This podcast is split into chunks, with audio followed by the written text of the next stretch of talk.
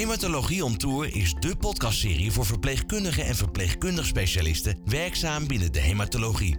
Kim Messelink en Bert Gravals gaan in gesprek met experts en ervaringsdeskundigen over thema's belangrijk in de zorg voor de hematologische patiënt. De onderwerpen die aan bod komen zijn onder andere palliatieve zorg, ambulante stamceltransplantaties, seksualiteit en vruchtbaarheid, late effecten en de zorg voor ouders met kanker.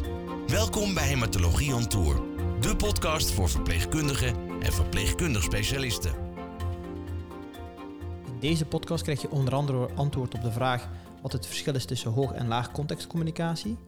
Hoe ga je om met grote moslimfamilies die afscheid willen nemen van een patiënt? En wat kan je doen als vrouwelijke verpleegkundige als je het gevoel hebt dat je niet gerespecteerd wordt? Hoi Bert, Hoi Kim. we zijn vandaag op de koffie bij Mustafa Bulut.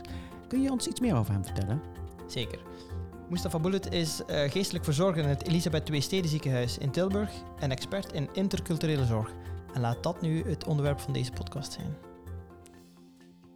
Dag Mustafa, goedemorgen is het eh, bij jou. Goedemorgen. Eh, de eerste vraag, waar ik zelf het antwoord echt niet op weet, is: wat is het verschil tussen hoogcontext en laagcontext communicatie? Ja, dat is een mooie vraag. Dat is een communicatiemodel van Hall Hall uit 1966 wordt gezegd. Waarin we twee vormen van communiceren hebben. Laag context is kort gezegd dat je zo min mogelijk context hebt en direct to the point bent in wat je wil vertellen. In de zorg houdt dat in dat als je een patiënt hebt en je wil een vraag stellen, dat je ook gelijk de vraag stelt: Heeft u pijn? Waar is uw pijn? Bijvoorbeeld. Hoog context houdt in dat je de boodschap niet bij de naam noemt. Dus dat je het over de vogels hebt, over het weer en alles eromheen. En uiteindelijk dan wel bij de pijn van die patiënt komt via omwegen. Dat is hoog context. Dus met heel veel contextuele informatie praat je met iemand over een thema. Dus direct en indirect. Ja, dat is kort gezegd eh, waar het op neerkomt.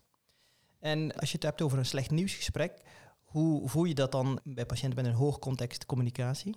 Nou, het, het verschil is inderdaad dat je bij laag context met het slechte nieuws begint. En bij hoog context doe je dat juist niet. Je vraagt aan iemand eh, hoe iemand zich bijvoorbeeld voelt, eh, waar die zelf staat. En de dood wordt niet besproken in hoogcontextcommunicatie. Niet zoals het woord de dood dat zegt. Maar meer van, ja, ik maak me ontzettend zorgen om u. En dat is een vorm van de dood komt eraan. Of de situatie is ernstig. En het woord ernstig is een soort van synoniem in de beleving van een patiënt uit hoogcontext, wat ook op de dood of een onontkomelijke ja, overlijden uh, komt. Dus het is letterlijk het, het niet noemen van het thema van het slechte nieuws, maar wel het gevoel geven in de onderlaag en de onderstroom die dan wel bij jou overkomt.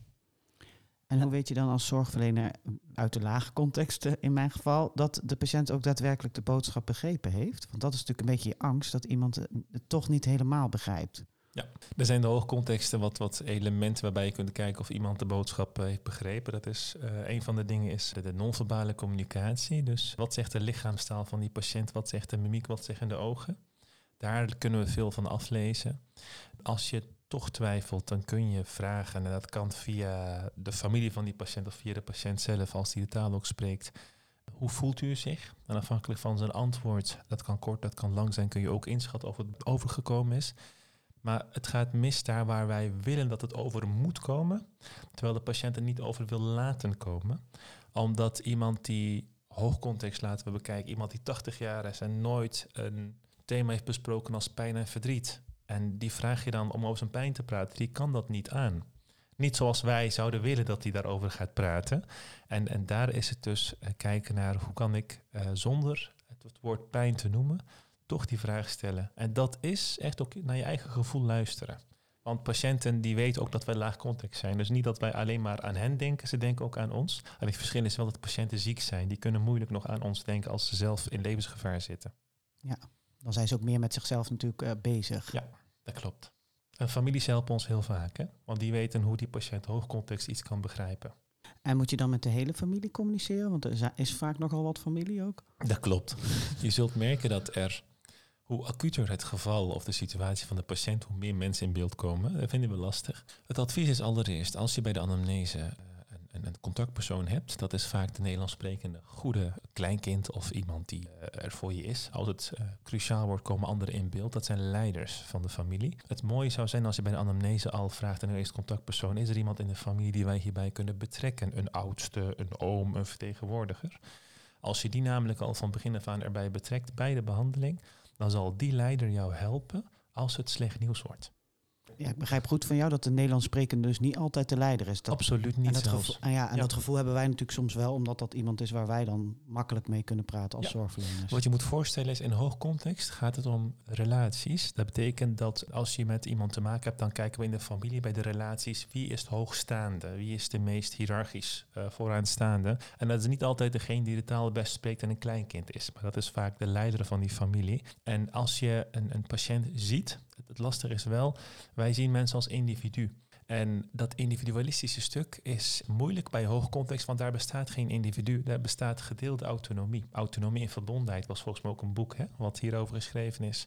En die laat dus zien dat je, als je naar mensen kijkt tot hoog context, dan moet je ze iets zien als een onderdeel van een groot systeem. Dus ik zou zeggen, de eerste contactpersoon, of de leider, of de partner, of één kind, betrek die erbij. En bespreek daarmee samen waar de patiënt wel bij is, als die wilsbekwaam is, thema's als slecht nieuws. Daar kom je heel ver mee. En wat je zult merken is, als je de kamer verlaat van die patiënt, dan gaat die leider de hele familie bellen. Oké, En dat zien wij niet, maar dat gebeurt wel. Dat helpt ons ook weer tot rust te komen. Omdat je voelt, oh nee, daar komen nog tien mensen bij de spoed of bij de hoofdingang naar binnen. Maar die leider helpt ons te ontlasten. oké. Ik heb het gevoel dat we naadloos overgaan zijn van hoogcontext en laagcontext communicatie naar eh, de moslimcultuur. Terwijl dat hoogcontext en laagcontext communicatie ook absoluut van toepassing is op wat je zegt, de 80-jarige die nog nooit van zijn hele leven over de dood en het verdriet ge- gesproken heeft, is dat heel veel zaken intercultureel Ja. overeenkomen, dat het niet heel veel tegenstellingen zijn. Nu we toch het woord tegenstellingen genoemd hebben, welke zijn de grootste tegenstellingen tussen de westerse, niet-westerse cultuur of binnen de westerse cultuur? Ik denk dat, dat jij daar heel goed eh, geplaatst in bent om daar iets over te Ja, zeggen. rondom slecht nieuws, wat we vaak horen, hè, van dat, dat mensen dat heel moeilijk vinden. Ik, ik noemde hè, een, een onderzoek al voor ons gesprek hier van uh, Onwiu heeft in het VUMC met best wat mensen onderzoek gedaan naar artsen en over de diagnose kunnen vertellen. En wat blijkt uit onderzoek eh, dat in Italië zo rond de 48% van de artsen de diagnose vertelt. In België 67% en in Nederland niet schrikken 98%. Nou, dat is even een invalshoek waarbij we zien dat blijkbaar niet in heel het Westen iedereen dezelfde boodschap wil horen rondom slecht nieuws. En dat maakt ons ervan bewust dat zoals wij denken dat het moet, niet voor alle patiënten geldt, waaronder ook ons buurland. Dus dat is even een grote tegenstelling. Een andere tegenstelling is dat wij mensen als wat ik noemde individu zien, terwijl ze eigenlijk gedeeld autonoom zijn. Datzelfde onderzoek laat ook zien dat wij als land het laagste scoren op de vraag: uh, betrek je de familie erbij? Dat doen we niet. Terwijl dat voor die patiënt van groot belang is. Nou, je zei het heel mooi, moslimcultuur. Um, ik bedoel, moslims hebben uh, heel veel cultuur hè, op de wereld. Maar als je wereldwijd kijkt naar al, alle landen, dan zie je dat de meerderheid van de wereld is hoog context. Dat is ook interessant. De minderheid is laag context. Daar behoren wij toe. Een land dat lager is dan ons qua context is Duitsland. En nog lager is Zwitserland. Maar wij zitten al heel ver in de lage context, moet je je voorstellen. En de vraag is, als het gaat om slechte nieuws, vaak zegt men, u heeft het recht om te weten, dus ik ga het vertellen. Terwijl ik denk, ja, de WGBO, hè, de Wet op de Geneeskunde Behandelingsovereenkomst, vertelt dat je de patiënt vraagt, wilt u weten wat u heeft? In plaats van, u moet weten wat u heeft. Er is iets voor de arts, maar verpleegkundigen moeten dat ook weten, vind ik. Van, uh, we moeten helemaal niks. En dat is ook een tegenstelling waarbij we in de bejegening al merken dat we ook zeggen, het komt gewoon niet over. Hij wil het gewoon niet accepteren. Terwijl Kubler-Ross zegt dan weer, ja, maar gun de mensen, het is een oud model, hè, maar het is nog steeds een relevant model, gun de mensen verwerking. En de ene is heel snel in verwerken van slecht nieuws, terwijl de andere nog in de weerstand en de strijd zit tegen zijn eigen gevoelens ook. Ja, en je zegt eigenlijk, uh, ons als zorgverleners is het onze taak om mee te bewegen in plaats van om vast te houden aan onze eigen principes. Dat iedereen binnen vijf minuten geaccepteerd moet zijn dat hij dat kanker heeft en doodgaat. En, uh, Weet je, en de ene patiënt is supersnel in het verwerken, maar die weet ook al, ik denk ook dat mensen die gaan sterven voelen ook dat ze zullen gaan sterven. Dat denk ik tenminste, geloof Alleen de, de ander, en dan komt hij, sommige mensen gaan strijden ten onder. En dat, ja, dat kunnen we dat is lastig, maar dat moeten we ook een beetje accepteren van...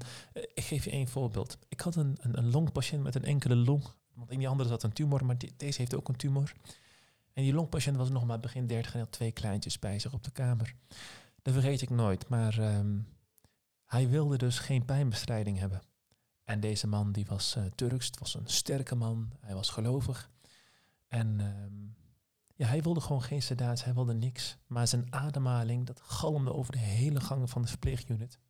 En dat vonden we allemaal heel erg ethisch, heel schurend ook. Op een gegeven moment zeiden we tegen hem met de arts samen van... Uh, meneer, we gaan u nu in slaap brengen. En ik was erbij en hij knikte nog met heel veel moeite. Toen ging hij in slaap. Wat we goed hebben gedaan daar is zoveel mogelijk ruimte geven voor, hè, dan komt de WGBO weer. Een patiënt mag lijden als hij dat wil. Maar ergens heb je een grens. En dat is precies die grens waarbij iemand eigenlijk niet kan opgeven, maar waarbij wij het heft in eigen handen gaan nemen, omwille de patiënt weer. Dus dat zijn van die ruimtes die we, want wij vinden wel, u hoeft niet te lijden, maar sommige mensen willen wel lijden. Omdat leed heeft voor mensen een bepaalde betekenis. En het hoeft niet gelijk geloof te zijn, maar een sterke man of een sterke vrouw. Zie die persoon, tot aan zijn laatste adem heeft hij zo zijn best gedaan. En dat vinden wij wel lastig soms. Ja, of het feit dat je misschien het gevoel hebt dat je zelf aan het vechten bent, dat je lijf in opstand komt tegen iets. Terwijl als je de hele tijd maar pijnvrij, dan onderga je meer je behandeling. Terwijl je anders, als je pijn lijdt, misschien het gevoel hebt dat je zelf ook actief eh, iets aan het bijdragen bent. Ja, en je bent ook nog in controle van je lichaam. Hè? Waar mensen ook bang voor zijn, is als mensen comfortbehandeling krijgen dat ze in slaap gaan vallen. Dat is een angst die mensen kunnen hebben. En wat we zien bij orthodoxe christenen is dat ze graag de bediening nog of het sacrament heel graag willen. En bij moslims zien we dat ze de shahada, de geloofsbeleidenis willen uitspreken. Nou, heel, heel praktisch en dat ken je als verpleegkundige ook wel. Een hoge bolus aan morfine hoef je niet in slaap te brengen. Het kan wel trouwens, maar het hoeft niet per se. uh, Midazolam dat hoeft ook niet, maar het kan wel. En het advies is daarbij vaak om een lage bolus toe te dienen met de hoop dat iemand een beetje bij bewustzijn blijft. Of als iemand toch een conform moet bij COVID zagen we bij die daling van saturatie en multiorgaanuitval, dat je dan ook zegt van doe nu de geloofsbeleidenis, want we, we, moeten nu ingrijpen. En dan kan de patiënt ook moeilijk nog reageren. Maar dat ze het sacrament of de bediening of het ritueel van de beleidenis toch dat moment kunnen uitspreken, omdat het afscheid gaat komen. Ja, je ziet inderdaad die rituelen veel meer terugkomen in andere culturen. Die hebben we in Nederland uh, zijn we een beetje vergeten. En is dat ook de reden dat het vaak lastig is om pijnmedicatie op, ook in de laatste levensfase nog uh, toe te dienen? Dus eigenlijk zeg je, wij moeten mensen de ruimte geven om, om hun rituelen af te maken. Ja, en de vraag daarbij is hoeveel ruimte heb je? Maar als we sowieso de vraag stellen, ook via de leider van die familie, van hoe gaan we dit laatste stuk afronden? Want het slechte nieuws is al duidelijk. Men ziet het, men voelt het ook bij die patiënt. Maar de vraag is, wat misloopt, is de hoeveelheid families die nog afscheid willen gaan nemen. En dan komt iemand uit Duitsland of uit Marokko of uit Afrika of, laten we zeggen uit Azië ehm, of uit België nogmaals. Het hoeft niet per se uh, zo ver te zijn, maar dat we niet zoveel tijd hebben. Dus wat we dan doen is ehm, eh, wel met de leider echt afspreken ook. We hebben zoveel ruimte, maar we kunnen niet meer verder, want de situatie laat dit niet toe. Maar wat vinden jullie wel heel belangrijk? En laat de leider dat vooral ook zelf beslissen. Want wat hij doet, is als je die vraag stelt en je verlaat de ruimte, dan gaat hij ook heel snel overleggen met de familie. Het interessante is, als je dus geen leider hebt, dan heb je een probleem. Want dan komt iedereen iets zeggen. Ja. En op een gegeven moment voel je als verpleegkundige zo met de handen in de haren tijdens je nachtdienst, dat je denkt, wat is dit nou voor een raar geval? En dan ga je dus zeggen, dat, dat maken we mee, ehm, ik, ik besteed voor die ene patiënt zoveel tijd, dat ik aan die andere patiënten zo weinig besteed, het voelt gewoon niet rechtvaardig meer. Dat is een ethisch principe die gaat schuren. Dus betrek de leider op tijd en geef ook de beperkingen aan. En vraag natuurlijk wel, want dat is het recht dat mensen hebben om afscheid te nemen. Hoe gaan we dat samen doen? Ja, veel meer eigenlijk in samenspraak met dan in plaats alleen maar op ons eigen punt te blijven. Het interessante is, als je de familie, één voorbeeld, hè, komen 40 mensen over de vloer, dat maken ook echt mee. En niet alleen op de oncologie, ook op de IC of andere afdelingen. Dan uh, er zijn maar één oplossing. Dat doe ik ook wel eens als ik uh, bij MK's betrokken ben. Dat je aan de familie vraagt van uh, wie van jullie kan ik nu even spreken? En er staat altijd iemand die gaat naar voren. Want nooit gaan 40 mensen in gesprek. Want dat is die. Mensen komen trouwens vaak als in shock zijn. Hè? Bang om een dierbaar te verliezen. Dus als je dan zegt van hè, hoe is het met jullie? dan krijgen ze geen antwoord. Want ze zijn in shock. Ze willen graag weten wat er gebeurt. Maar die vertegenwoordiger neem je mee op de gang ergens even een paar minuten tijd te winnen. Heel belangrijk. Hè? is niet als verpleegkundige of als arts. En dan ehm, eh, vraag je ook, ehm, we zien heel veel mensen hier, maar dit kan niet. Ik herken wel de zorgen, zeg je, want ik zie het gebeuren. Maar dit, dit mag niet. Uh, we moeten nu echt samen iets gaan oplossen. Wat gaan wij doen? Geef de vraag terug. Eh, dat doen wij soms te weinig, merk ik. Geef het terug. Laat hem met een oplossing, want ze hebben de oplossing. Nou, wat die leider gaat doen, dat vinden we ook soms lastig, dat hij, dat dus mensen gaat wegsturen. Hè? Dat zien we ook wel. Nee, laat het gebeuren, is prima. Prima dat mensen naar boos worden. Laat de leider dat zelf oplossen. Als de leider het moeilijk vindt, dan vraag je of er een tweede leider is. Dus, maar laat het systeem zichzelf oplossen, zoals je op oncologie of welke afdeling dan ook wel een beetje de rust kunt bewaren. En wat je heel mooi zegt, in samenspraak. Want als je dat samenstukje doet, voor zover mogelijk, dan kom je heel ver. Het lastige is wel bij dat samenspraak is, als, uh, dat, dat merk ik bij de artsen vooral, dat de scenario's worden geroemd rondom hoe gaan wij afscheid nemen. Dus welke scenario's van abstineren staan ons te wachten? Ik vind dat de artsen dat vooral zelf moeten inschatten. Want hoe meer die families belast met informatie, hoe meer schuldgevoelens er ontstaan bij de families, waardoor mensen gaan ageren tegen het beleid in. Want al, alsof je ja zegt tegen de dood van je papa. Oké, ja. Begrijp wat ik bedoel? Ja. En dat, dan, dan, dan zijn wij klaar met de opname. Dan is de patiënt overleden, dan kunnen wij verder. Maar zij kunnen niet verder. Want in hun systeem lopen ze vast. In de rouw, in het schuld, in schaamte. Want die families gaan zeggen, ja, jij hebt toen ingestemd met die arts, dus uh, jij bent verantwoordelijk voor de dood. Moet je je voorstellen. Hè? En wat ook nu een trend is, en dat is een laatste nieuwe trend, is dat steeds meer patiënten worden gerepatrieerd naar het buitenland. Volg je het nieuws ook allebei dat uh, Turkije, die helpt nu een aantal casussen. Dus we zitten wel in een tijd waarin uh, er een soort van een, een, wantrouwen begint te ontstaan richting behandelingen waarbij iemand afscheid moet gaan nemen, omdat je gewoon niet meer iets kunt gaan betekenen. En ik denk dat vertrouwen in de behandeling heel cruciaal is. Als je geen vertrouwen hebt, kun je de zorgplicht niet uitvoeren. Nee, maar je zegt eigenlijk dus, begrijp je, uh, eigenlijk in een fase voor het echte abstineren, dan zit je veel meer in de samenspraak. Ja. Maar eigenlijk het abstineren zelf, dat is eigenlijk een beslissing die de arts Heel belangrijk, zeker. moet nemen. En op zich neemt. En ook uh, het lastige is daarbij dat artsen dat moeilijk vinden, omdat ze merken dat de familie ineens niet meer eens is. Alleen dat is omdat ze dat laatste stukje, het is niet strijdend, maar meer, dit is hoe het systeem werkt. Ze zullen gaan zeggen, hoezo nee? Maar dat is ook omdat een dierbare gaat komen te overlijden.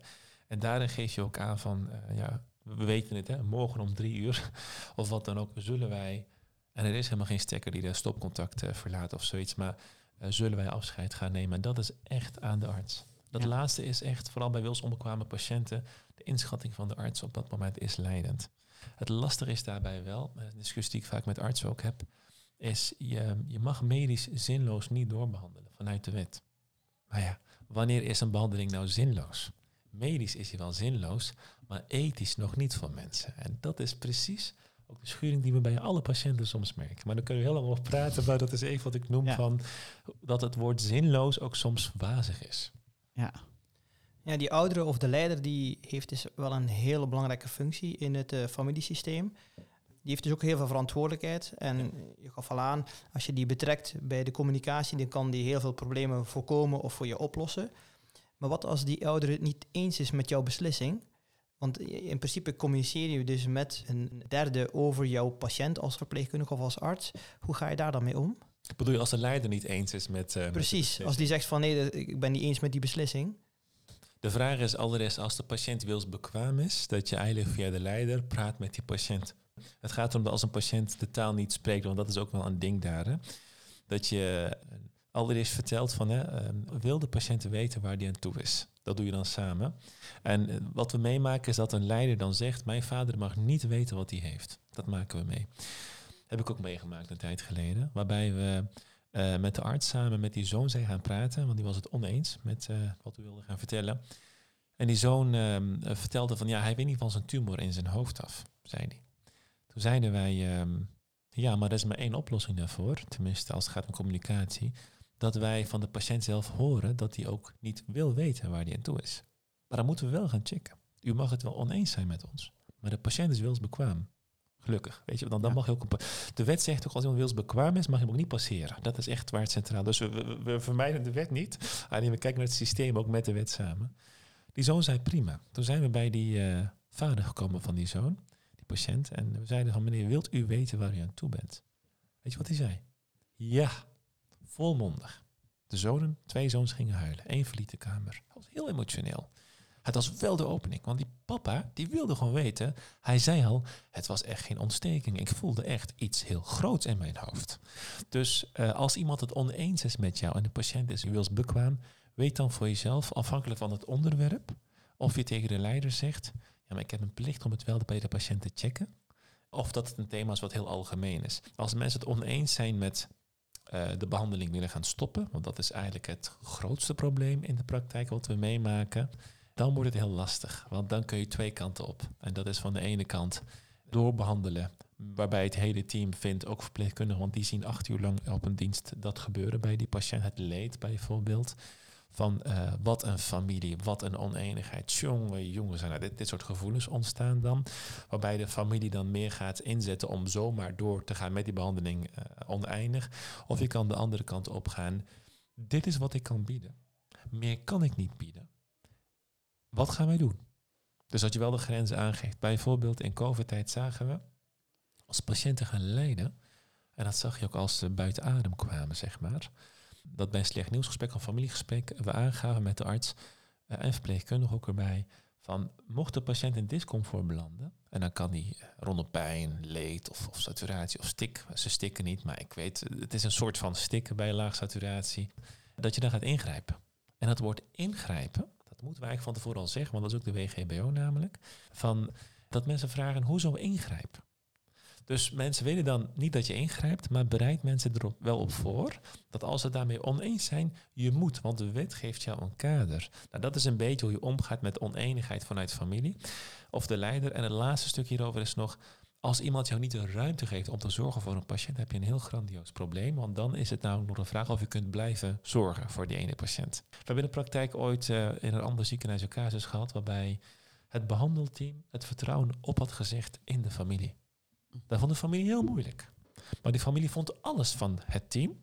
En het team dacht, wij kunnen gewoon niet meer zorgen. Nou, dat kan dus ook. Dat is het laatste wat we eigenlijk willen bereiken. Maar het kan wel. En dan komt een overplaatsing. De vraag daarbij is wel, uh, welk ziekenhuis accepteert hem? Dus je hebt wel zorgplicht. Mijn advies is hierbij, race op het vertrouwen. Vanaf de anamnese al. Geef ook je onmacht aan. Uh, maar houd wel de regie. En dat moet ook met de arts, want verpleegkundigen zijn ontzettend goede mensen. Maar die hebben WGBO-technisch niet de positie van de arts. Dus de artsen moeten dat echt op hun manier doen. Maar die moeten echt de regie nemen. En wat ik zo fijn zou vinden, is als er een gesprek met een familie komt, dat er niet meerdere hoofdbehandelaren in beeld komen, maar dat er één hoofdbehandelaar in beeld is die de familie goed kent. Want wat ik ook wel eens merk, is dat artsen het ook moeilijk vinden om met twintig mensen voor de deur uh, te spreken. Trouwens, twintig mensen gezegd. Ook dan zeg je maximaal twee. Wie van jullie kan ik op de kamer ontvangen? Ja, dus daar geef je wel weer heel duidelijk de grens aan, maar laat je zelf in de groep beslissen wie die twee zijn. Juist, en je komt, ik kom zo terug bij jullie, maar ik kan maximaal zoveel. Eigenlijk één, maar ik doe twee, weet je. Dat doen we ook, wij zijn heel erg begripvol. Maar bij onze beperkingen. Kijk, COVID is gelukkig nu, dat hopen we dan tenminste weg. En dat komt ook hopelijk niet meer terug, maar dat weten we niet zeker. Maar voorbereiding op als het weer zou terugkomen. Uh, flexibel zijn, maar wel voor je grenzen waken. Want we hebben ook onze eigen grenzen.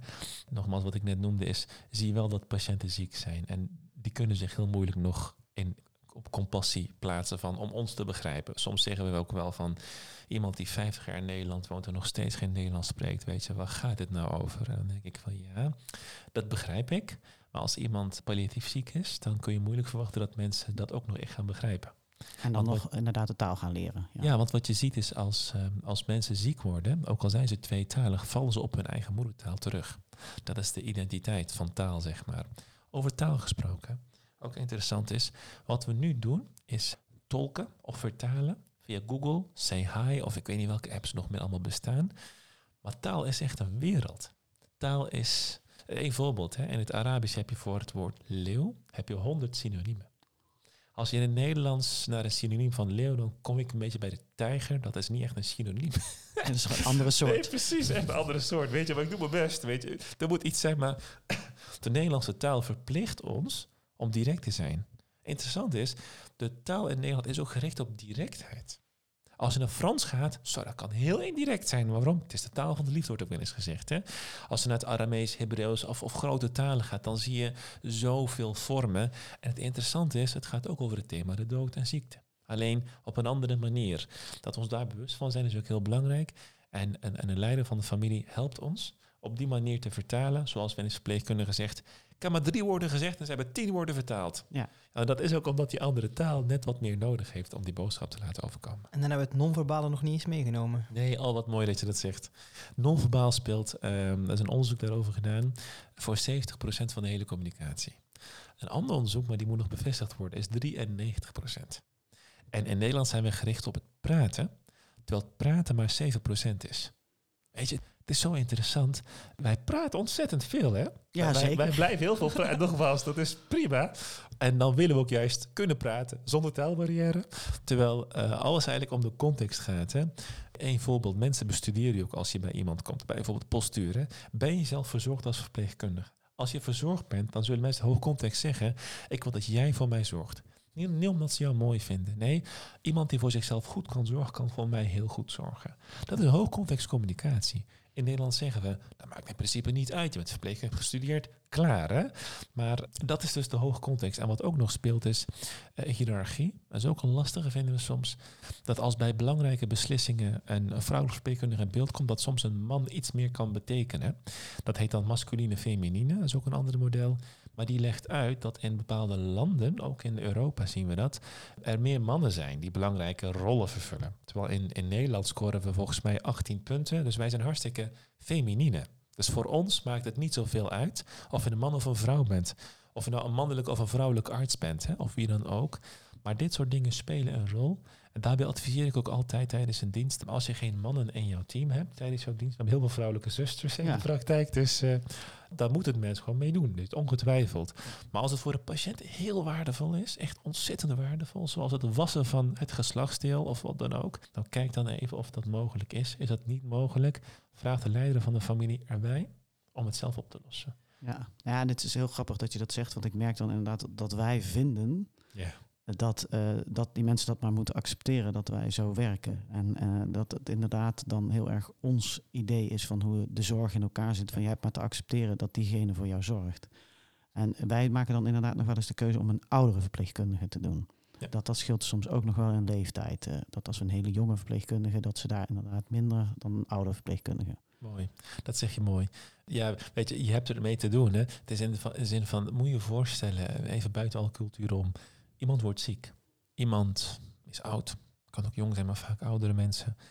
Het leven kan eindigen. Dus alles staat te wankelen in jouw leven. En dan komen wij in beeld met goede intentie. Maar we zeggen wel, dit is hoe het is, punt. Dat is ontzettend lastig en pijnlijk voor een patiënt. En we zeggen wel vaak, het gaat om de patiënt. Maar dit is precies de toekomst. Want het CBS heeft een meting gedaan. 1 op de 4 van Nederland is een buitenlander. Dat is nu al een meting. En we gaan richting 1 op de 3. Dus onze maatschappij, niet alleen dankzij Oekraïne of de Poolse mensen, maar we zien eigenlijk alle landen ook naar Nederland en het Westen komen. Zien we dat mensen andere verwachtingen van ons hebben. En als mensen ook nog eens ziek worden, ja, dan is eigenlijk sensitiviteit rondom hoe kan ik jou veiligheid en vertrouwen geven? En die oudere verpleegkundigen, wat, wat mooi, wat ik, ja, wat ik bijzonder van oudere collega's vind, is dat ze dankzij hun ervaring in de praktijk uh, iets flexibeler zijn. Nogmaals, niet dat alle oudere collega's zo zijn, want ik ben met alle rechten uit jongere collega's ook, maar flexibiliteit is heel belangrijk. Weet je, je hebt maar één doel. Um, als die mij heeft gedoucht of kinderen, wat dan ook, maar dat je, dat je dat doel voor ogen houdt. En hoe dat gebeurt, dat is me even de vraag nog niet zo heel lang geleden, ik denk een aantal tiental jaar geleden, waren er ook bijna geen vrouwelijke dokters in, uh, in Nederland en in België. Dus uh, de, dat is op, in, een aantal jaren is, is ook in, hier lokaal die omslag gekomen. Dat, uh, dat men dacht van een huisarts, dat kan toch geen vrouw zijn? Maar dat is inmiddels wel veranderd natuurlijk. Ja, Inderdaad, en dat is een mooie ontwikkeling. Ik bedoel, vrouwen en mannen zijn gelijkwaardig in die zin. Dus het is ook goed dat het gebeurt. Maar weet wel dat niet alle landen op de wereld datzelfde aan het ervaren zijn. En als je dan iemand daarmee wel belast, in de zin van hè, dit is hoe wij Nederland zorg geven, dan kan dat onveilig voelen voor een patiënt. En, en daarom is het ook kijken naar, heb ik een mannelijk collega? Heb ik dat niet? Ja meneer, excuus, maar dit is wel hoe wij het doen. Dus weet je, het is de balans zoeken tussen de behoeften en tegelijk ook wat jij kunt bieden. Want we kunnen niet alles bieden, we hebben ook onze beperkingen zelf. En daarover de dialoog aangaan is heel belangrijk. En Weet je, ik geloof ook als als vrouwelijke spreekkundige het vertrouwen hebt van jouw patiënt. En ze bestuderen je ook echt goed. Ze kijken naar je ogen, ze kijken naar hoe jij aandacht geeft. En ik kan je ook vertellen bij taalbarrières en je bent een vrouw en je hebt een vrouwelijke patiënt, gewoon aanraken. Niet alleen verpleegtechnisch aanraken, maar gewoon op de schouder of, of de hand vasthouden. Gewoon doen. Want dat zijn elementen die hoogcontextcommunicatie betreft. Hè. Daar de relatie wordt daarmee gevoed. Als mensen aan jou vragen, ook hoogcontext trouwens, hè, heb je kinderen? Heb je een man? Weet je bijvoorbeeld? Dan denken we, oeh, waarom stel je ook persoonlijke vragen? Maar het doel daarbij is dat ze een relatie aan het opbouwen zijn. Eigenlijk om te weten, kan ik bij jou terecht? Sommige collega's zeggen dan, ja, ik heb hem gezien. Anderen zeggen van, mevrouw, ik ben er voor u. Weet je, dat is professie versus persoonlijkheid, van afstand en nabijheid. Ik vind alles prima. Vind wel jouw manier als verpleegkundige die bij jou past. Je moet niet alles blootgeven qua thematiek, maar weet wel dat als iemand een persoonlijke vraag stelt, afhankelijk van hoe persoonlijk die is, maar dat mensen aan, dat zijn van die gouden momenten dat ze aan het zoeken zijn naar contact met jou. Ja. Ja, ik vind het wel grappig dat je dit noemt, want uh, we hebben inderdaad geleerd van nou dat uh, afstand, afstand. En ik merk eigenlijk steeds meer dat dat eigenlijk heel slecht werkt. En dat je inderdaad meer op, op zoek moet naar waar hebben wij overeenkomsten. Want wij verwachten van onze patiënten dat ze zich helemaal blootgeven en wij blijven een leeg blad. En ja, inderdaad, je kunt precies invullen wat je op dat lege blad wel kwijt wilt en niet. Maar het helpt ontzettend. En inderdaad, ik merk ook vaak dat patiënten dan, uh, zeker uit de hoogcontextcommunicatie, terugkomen op... oh ja, hoe is het nou met je kinderen? En dat ook inderdaad dat wij dat lastig vinden van ja, je hoeft zich toch niet bezig te houden met mijn kinderen. maar de, als ik dat gesprek eenmaal gehad heb, dat ik dan ook mijn eigen vragen kan stellen die ik nodig heb voor mijn proces. Ik wil je heel erg bedanken, Mustafa. Het was een, uh, ik vind het een heel mooi gesprek. Ik hoop, uh, Kim, ja, ik zie jou knikken. Ja. Ik hoop onze luisteraars ook. Dankjewel. Jullie bedankt.